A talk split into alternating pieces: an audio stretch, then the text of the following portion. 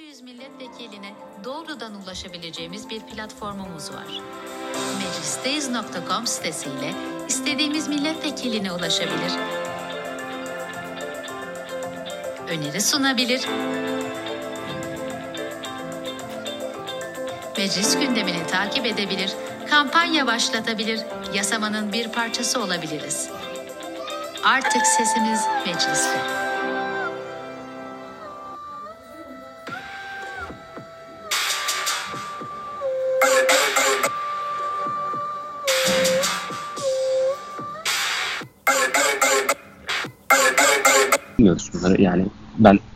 Türk olarak seninle konuşmama rağmen Azerbaycan'la ilgili hiçbir şey bilmiyorum. Ben Almanya'yı ya da Avrupa Birliği'ni Azerbaycan tanıdığından daha çok tanıyorum. Bu çok büyük bir eksiklik. Şimdi Azerbaycan tarihine e, Orta Asya'dan başlayarak tarih nasıl ilerlemiş ve neler yaşamış bunu hiçbir şekilde bilmiyorum. Şu an ne yaşadığımızı da bilmiyorum. Seninle konuşmuş olmama rağmen. Şimdi tabii ki herkes için herkes adına konuşamam ama Türkiye'nin geneli de bu şekilde. Hatta Azerbaycan'ın geneli de Türkiye'yi tanımıyor. Türkiye'yi tanım yani büyük ihtimalle öyledir. Bunun hakkında ne düşünüyorsun?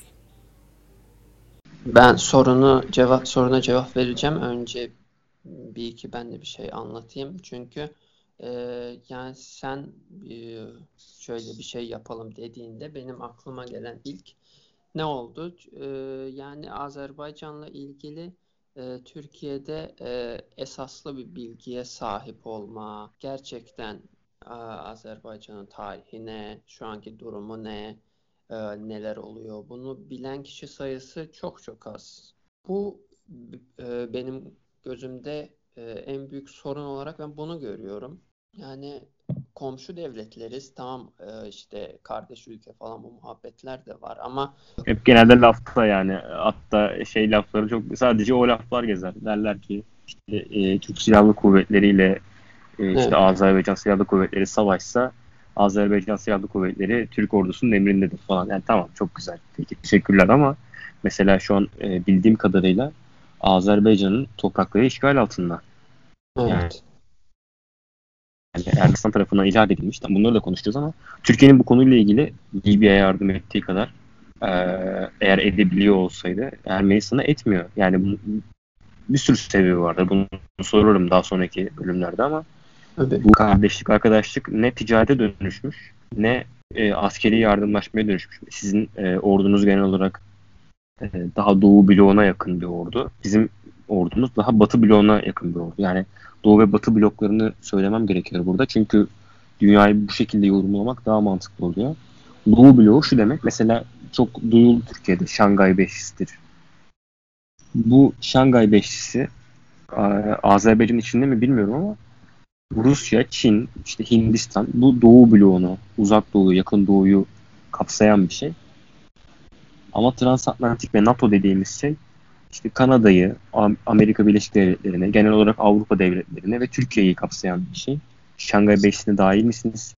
Ya Yani şimdi buradan sonra çok ilerlemeye başlayacak çünkü bütün her şey buradan buna göre yani kıble bu yön. Evet. İnsanlar yani devletler baktığı zaman iki tane şey görüyorlar ve buna göre e, adımlarını atıyorlar. Şimdi baktığımızda o zaman bu açıdan baktığımızda e, Azerbaycan'ın e, şu anda önce şu anda bulunduğu durumu anlatmam gerekiyor.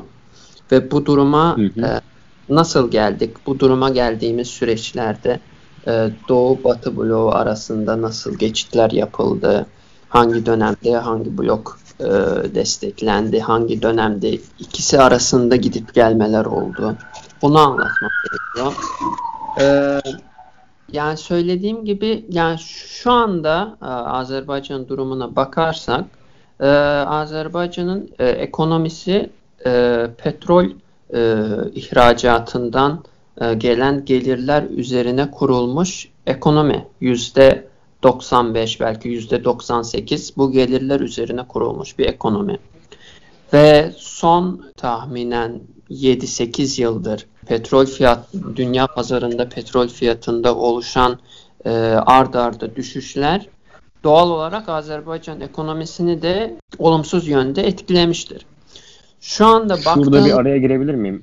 Evet. dünyada petrol ticareti nasıl oluyor diye hemen bir ufacık bir anlatı anlatmam lazım.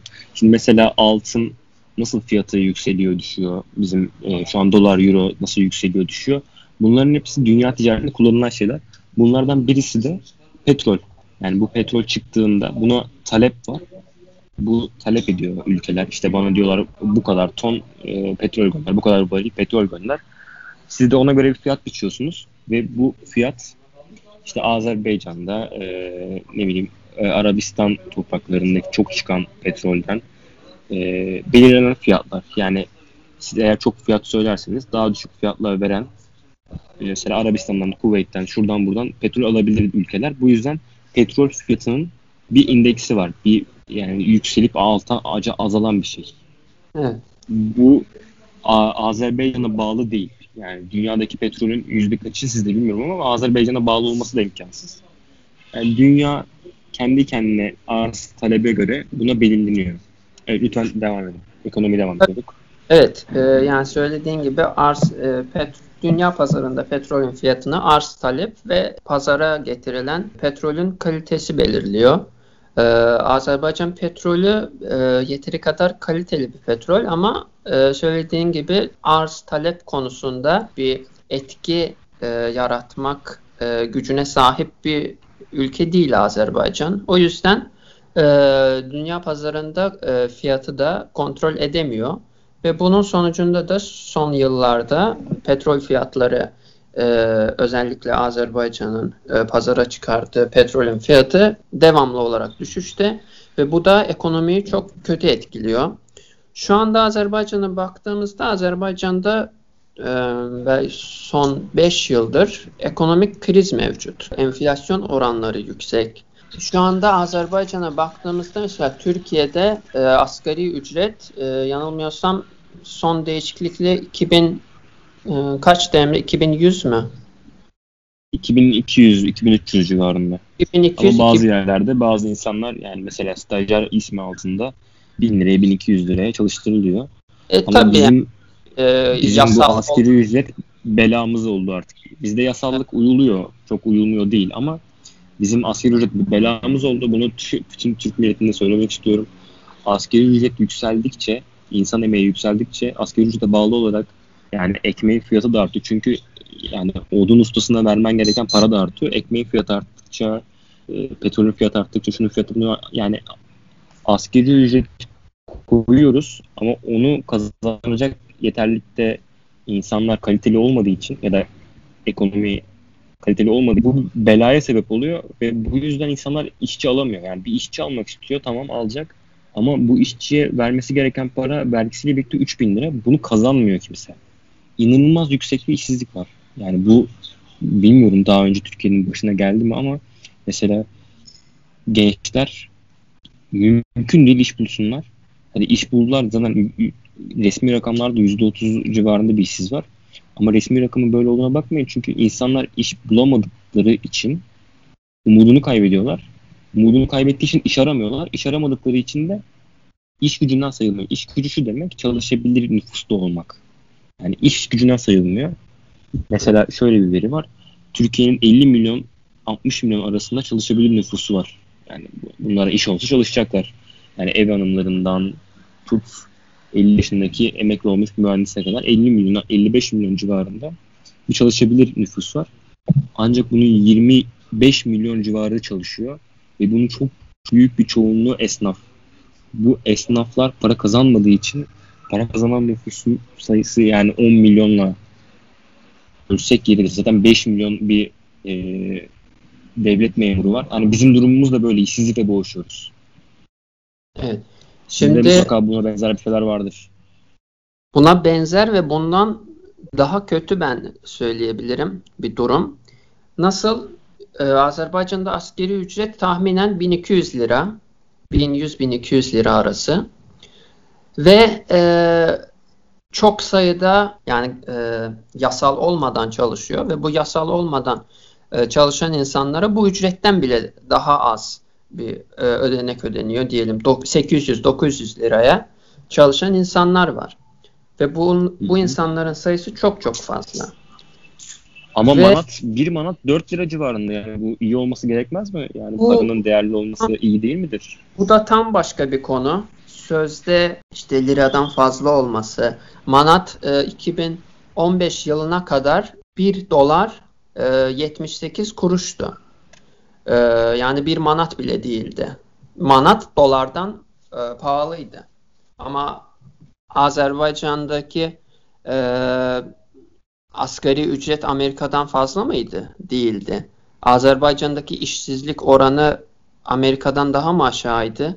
Değildi. Azerbaycan'daki Yani- refah seviyesi Amerika'dan daha yüksek miydi? Yani şu demek oluyor. Bir ülkenin para biriminin değerli olması o ülkenin iyi olduğunu göstermez. Peki ne gösterir? Mesela kişi başı milli gelir mi? Ya da işsizlik oranları mı? Ya da söyleyeceğim ve neden böyle bir e, yapay şekilde böyle bir lanse ediliyor manat e, manatın güçlü olduğu. Bunun lanse edilmesi için her yıl e, milyarlarla dolar harcanıyor.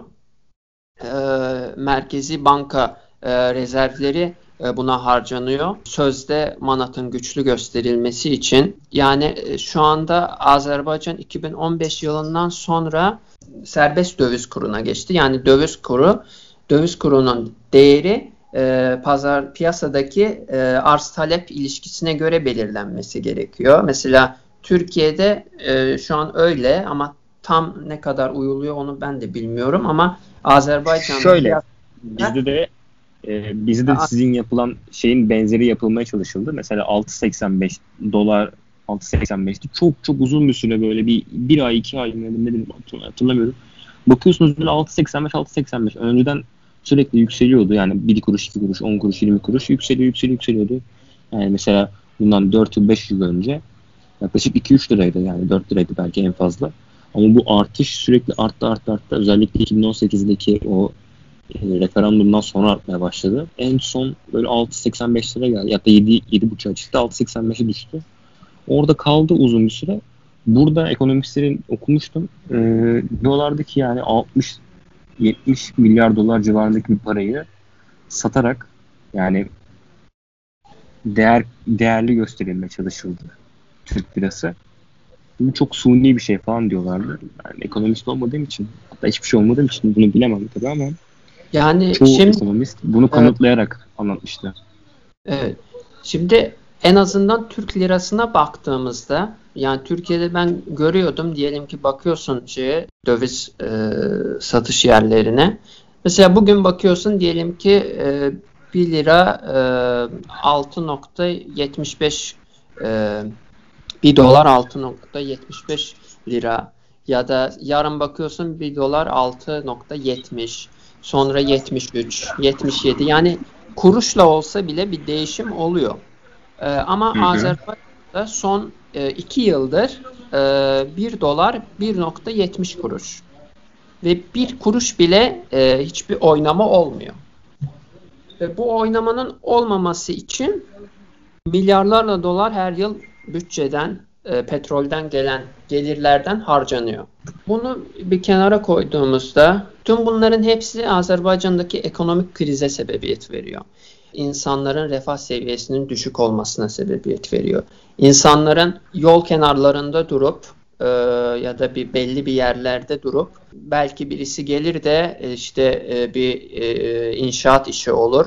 Onları alır götürür ve e, günlük e, 10 manat 15 manata tahminen 40 lira 60 liraya e, belki kazanıp evlerine e, ekmek alabilirler umuduyla e, her sabah evlerinden çıkıyorlar ve e, belki yüzde 20 yüzde 30 ihtimal öyle bir iş buluyorlar ve o gün bir para kazanıyorlar.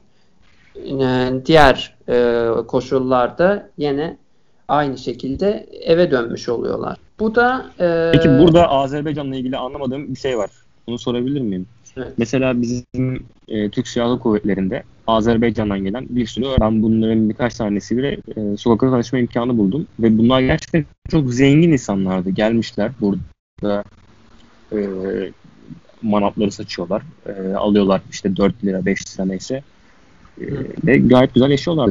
Peki bu bir ne bileyim birisi fakir birisi zengin bu nasıl oluyor? Yani Bu e, mümkün mü?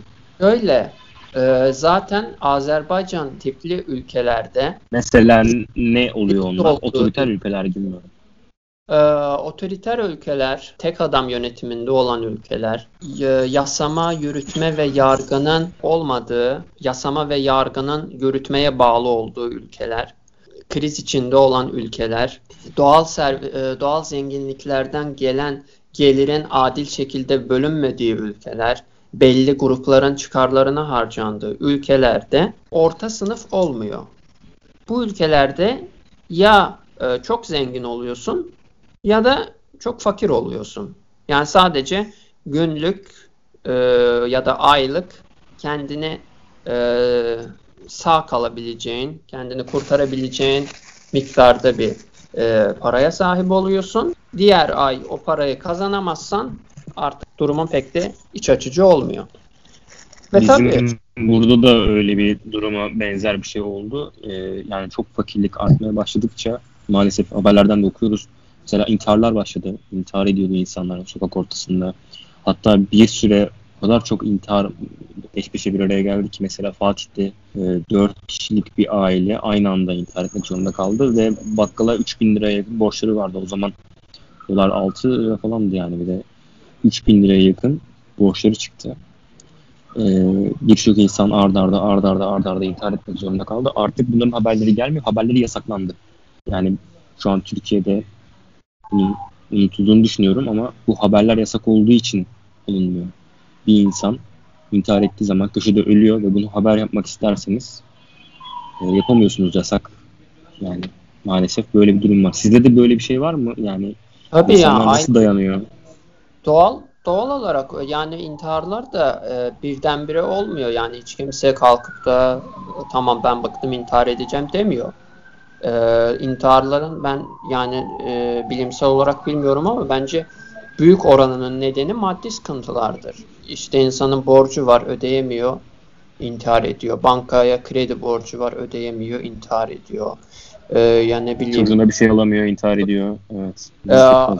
ailesini dolandıramıyor, ailesi evi terk ediyor, adam bunalıma girip intihar ediyor. Yani bunlar e, ekonomik sıkıntının olduğu e, yerlerde intiharların olması da tam yani doğal bir sonuç, doğal bir çıktı. O yüzden e, şimdi e, baktığımızda Azerbaycan'ın durumu böyle. E, ben daha çok e, ekonomik ve sosyal açıdan baktım, anlattım.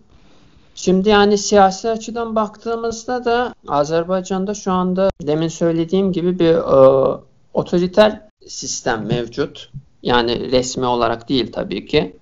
Ama her alan üzerinde baskı mevcut. Basın özgürlüğü diye bir şey yok. Topla, toplaşma Neden olsun ki yani basın basın özgürlüğü ne demektir? Yani iki tane gazeteci içeri atılsa çok mu şey değişir? Yani bizim Türkiye'de de 100 tane gazeteci, 150 taneye yakın gazeteci içeride. Ne var bunda yani? Neden gazeteci önemli olsun ki?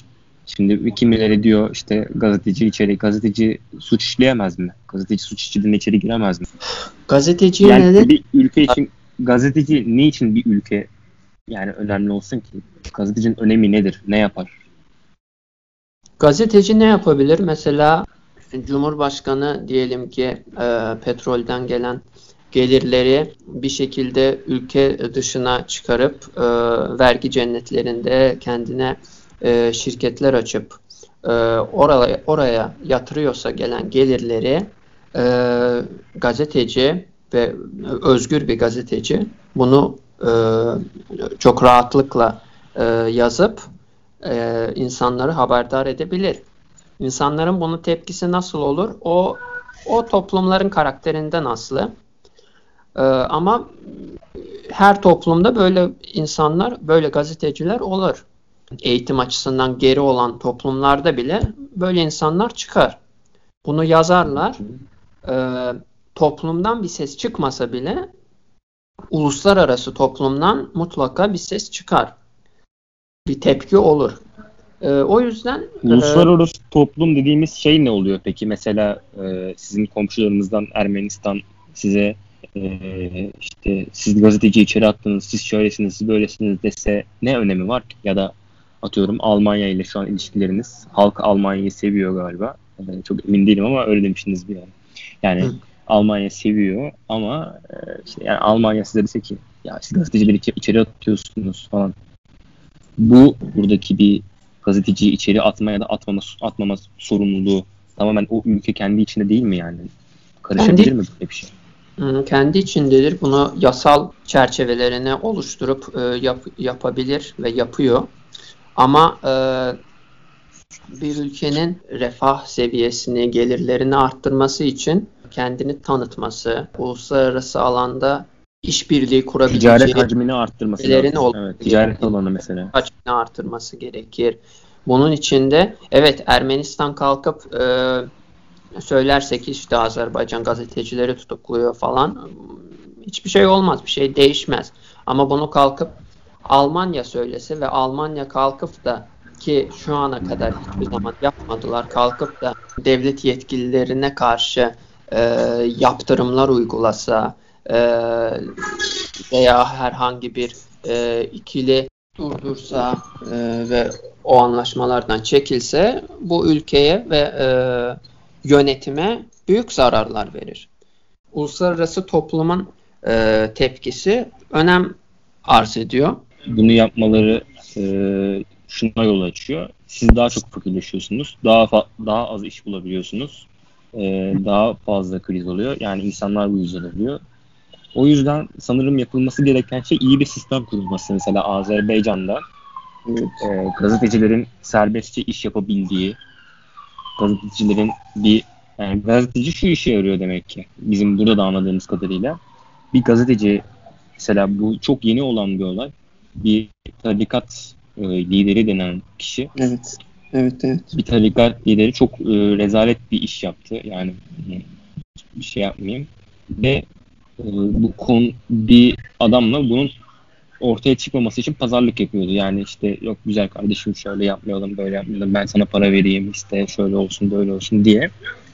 Ve Oda TV, buradan e, saygılarımızı iletiyoruz. Oda TV ve sanırım Cumhuriyet çok emin değilim ama e, buna peşine düşmüş. Sonra ortaya eğer gazeteci hapiste olsalardı ya da gazetecileri susturmak için çok büyük e, yaptırımlar uygulasalardı devlet yetkilileri ya da bu tarikat bu pislik ortaya çıkmayacaktı. Bu pislik ortaya çıkmadığı için de bunların iyi insan olduklarını düşünecekti halk. Halk artık onların e, nasıl insanlar olduğunu, ne olduğunu biliyorlar. Yani bir nevi gazeteci dediğimiz şey yalanlarla dolu bir dünyanın içinde bir pencere. Bu pencere işte e, gerçeği açıklıyor. Yani orayı gerçeğe çeviriyorlar. Çok önemli. Mesela dünyanın en iyi gazetecileri genelde Almanya'da, Amerika'da, ne bileyim Kanada'da bu gibi NATO üyesi ülkelerde. Türkiye hariç. Yani Türkiye'de çıkıyor ama Rusya gibi, e, Çin gibi, Azerbaycan gibi ülkelerde çok böyle aman aman gazeteciler yok. Çünkü ne, ne oluyor? Adam e, ya da kadın iyi bir gazetecilik yapsa bile içeri atılıyor ve bu e, şuna yol açıyor. Bir siyasetçi eline akçe geçtiği zaman, akçeli işlerler bizim burada. Bir para geçtiği zaman, petrol parası, şu parası, bu parası. Onu harcarken, onu kullanırken daha az dikkat eder. Yani e, bir anda eli kayıp Arabistan'da onlarca malikane bilmem ne alabilirler. Ama gazeteci evet. olduğu zaman bunu açığa çıkarttığı zaman halk mesela protesto eder ve e. Yani geri çekilir. Bunu yapan kişi e, yüzü kızarır değil mi? Yani olması gereken normalde budur. Ya şimdi önce şey diyeyim. E, Türkiye'de bu, böyle bu ağır polisleri oluyor mu? Şimdi bu gazeteciliği e, bir toparlamamız için benim e, genel görüşüm şu ki toplumun e, vicdanını oluşturan şey bence basındır, gazeteciliktir. Bu yüzden basın özgürlüğü e, önemlidir. Bas, özgür gazetecilerin olması gereklidir. Şimdi polise baktığımızda polisin e, işlevselliği nedir? Polis e, devleti yönetenler kimse onları korumakta sorumludur. E, fark etmiyor devleti yönetenler e, faşistler olsun, devleti yönetenler e, komünistler olsun ya bilmiyorum işte neyse e, yeşiller olsun. e, kim olursa olsun polisin görevi iktidarı korumaktır. E, bu yüzden e, iktidara zarar verebilecek ve e, toplumu e, iktidara karşı e, tetikleyebilecek e, eylemleri, protestolara e, önlemek e, en önemli e, görevlerinden biridir. Bu tabi e, ülkelere göre de değişiyor. Diyelim ki Evet. Bence bu yaptığın tanım e, tam sizin ülkenin yani aslında polis sizin ülkede ne işe yarar onu anlatmaya çalışan bir tanım ama aslında polis bu değil. Yani polis mesela ben sokağa çıktığımda e, birisi bana silah e, hemen polisi ararım ve polis gelir onu durdurur. Yani oradaki düzeni sağlamaya çalışıyor. Beni korumaya çalışır. Aslında sadece devlet e, görevlerini korumaya çalışır değil. Mesela devlet görevlilerini korumaya çalışan kim olabilir? Güvenlikler var burada. E, de, polis, polisten ayrı şekilde çalışan. E, bu güvenlikler mesela gidiyor Meral Akşener buraya geldi. E, çevresinde 3-4 tane polis var. O hani bir suikast girişimi ya da birisi yumruk atmaya çalıştığı zaman, saldırmaya çalıştığı zaman e, polisler onu engelliyor. Ama polisin asıl görevi e, zannediyorum ki e, jandarma da var. Jandarma, polis. Bunların e, birkaç tane ayrı şeyleri var. Senin yaptığın tanımın benim için karşılığı ne olur? Yani ben polis tanımlamak istem ne olur diye söyleyeceğim. İnsanlar oradaki farkı anlasın. Yaşadığımız toplumdaki farkı anlasın. Polis toplumdaki düzeni sağlıyor. Yani burada mesela bir kaos olduğu zaman hemen polis oraya gelip 50 silahlı 50 tane e, insan saldırsa, insanlar şey yapsa bizi kim koruyacak? Toplumsal bir ortak mutabakata varmalıyız. Yani demeliyiz ki ya bizi birileri korusun, kim korusun? Şu korusun. Polis o. Polis bizi koruyor. Ama şu var. Polis genel olarak hükümetin emrinde, hükümetin, devletin emrinde olduğu için ve o emirleri uyguladığı için bazen bu kurallara, bu yapması gereken işleri yapmıyor. Mesela burada kadın cinayetleri çok büyük problem. Bir kadın e, eş tarafından e, rahatsız ediliyor, e, onu tehdit ediliyor ona karşı. E, mesela polise gidiyorlar diyorlar ki beni koru. Polis korumuyor. Bir daha koru, koru. Halbuki başta ne demiş? Polis bizi korusun diye yani bunları bir anlaşma polis bizi korusun demiş. 26-27 defa polise gidip beni koru demesine rağmen polisin korumadığı kadın öldürüldü Türkiye'de. Ee, yani şu anda maalesef yani çok üzgünüz. Böyle şeyler oluyor. Ama bu olmuyor. Bir anlaşma var, insan hakları sözleşmesi var. Herkes e, sokakta istediği gibi protesto edebilir. Protesto hakkı vardır. Yani sokağa çıkması için bir haber vermesi, bir izin alması. Yani zaten karşı tarafa karşı izin alıyorsun. Yani mesela sana bugün belediyeye karşı bir şey yapmalısın. Protesto yapacaksın. Beni işten atmayın diye. Yani gidip belediyeden izin mi alacaksın bir de? Yani izin vermezler. Ya şimdi aslında benim söylemek istediğim e, benim söylediğim Mesela sokağa insanlar yani benim söylediğim e, kriz anında polisin göreviydi. Evet tabi burada da e, diyelim ki bir cinayet yaptığında ya da cinayete teşebbüs ettiğinde e, karşında polisi görüyorsun. O düzeni sağlamak için de e, polis e, görevlerini e, üstleniyor. Ama diyelim ki bir kriz anı olduğunda ki ben bunu düşünüyorum ki bu dünyanın tüm ülkelerinde böyledir. Bu Türkiye'de de böyledir. Almanya'da da böyledir. Ee, ve birkaç ay önce gördüğümüz gibi ABD'de de böyledir. Bir kriz anında e, yönetime e, direkt bir tehlike olduğunda e, ki bunu mesela Türkiye'de gezi olaylarında görmüştük. Yönetime bir e, tehlike olduğunda, tehdit olduğunda polisin e, en önemli görevi e, yönetimi korumak oluyor. Vatandaşı korumak değil. Ve bu bence sadece Azerbaycan için değil. Tüm ülkeler belki tüm ülkeler belki şey olur ama e, fazlasıyla belki de yüzde seksen, yüzde doksan ülkeler için böyledir.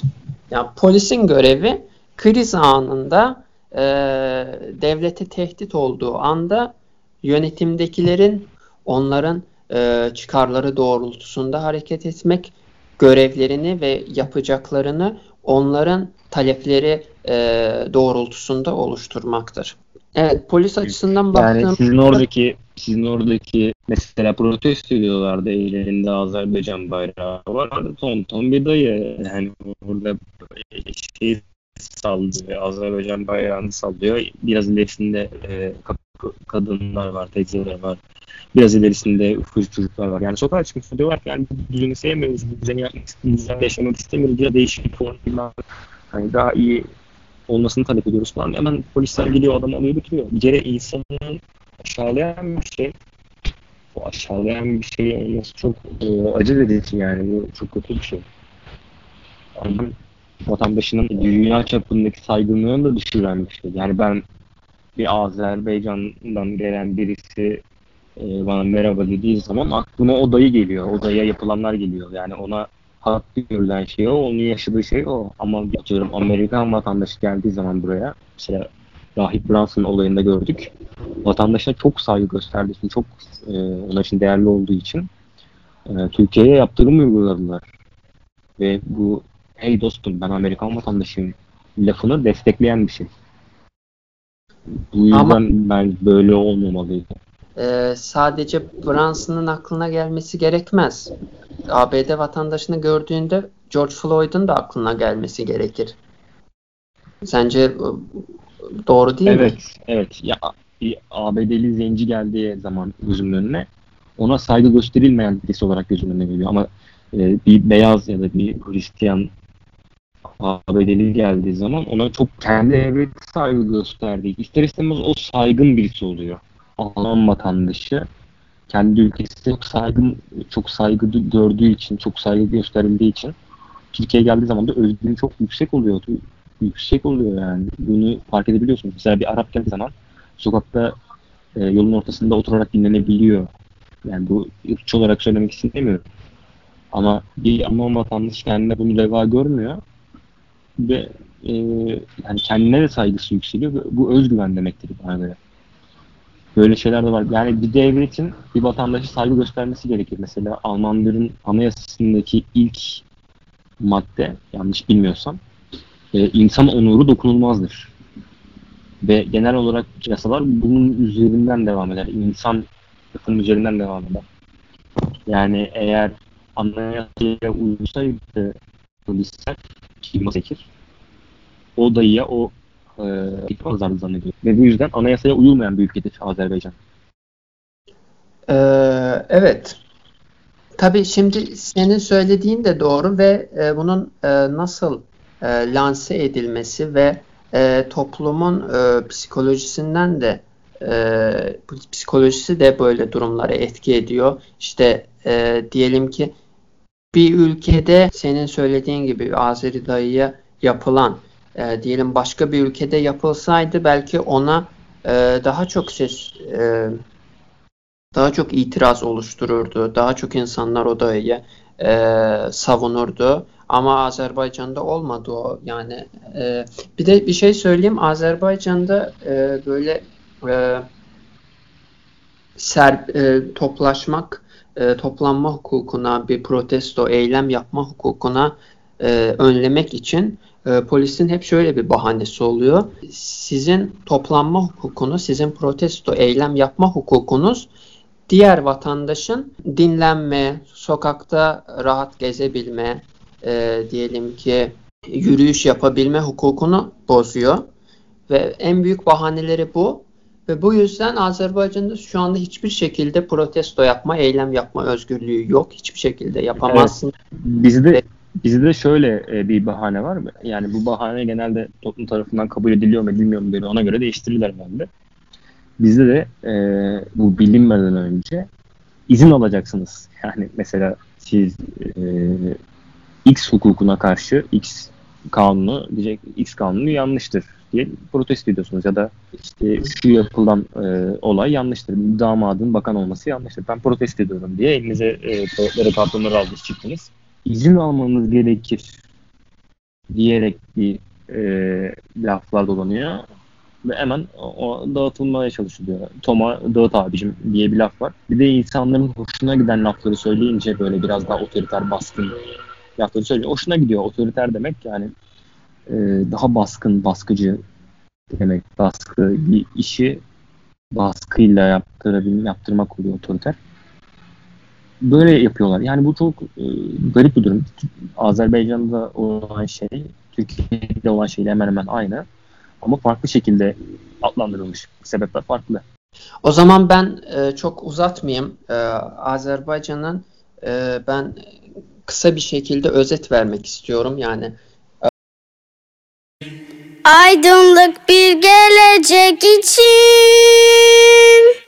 Çocuklar için, yarınlarımız için Evet ile güçlü Türkiye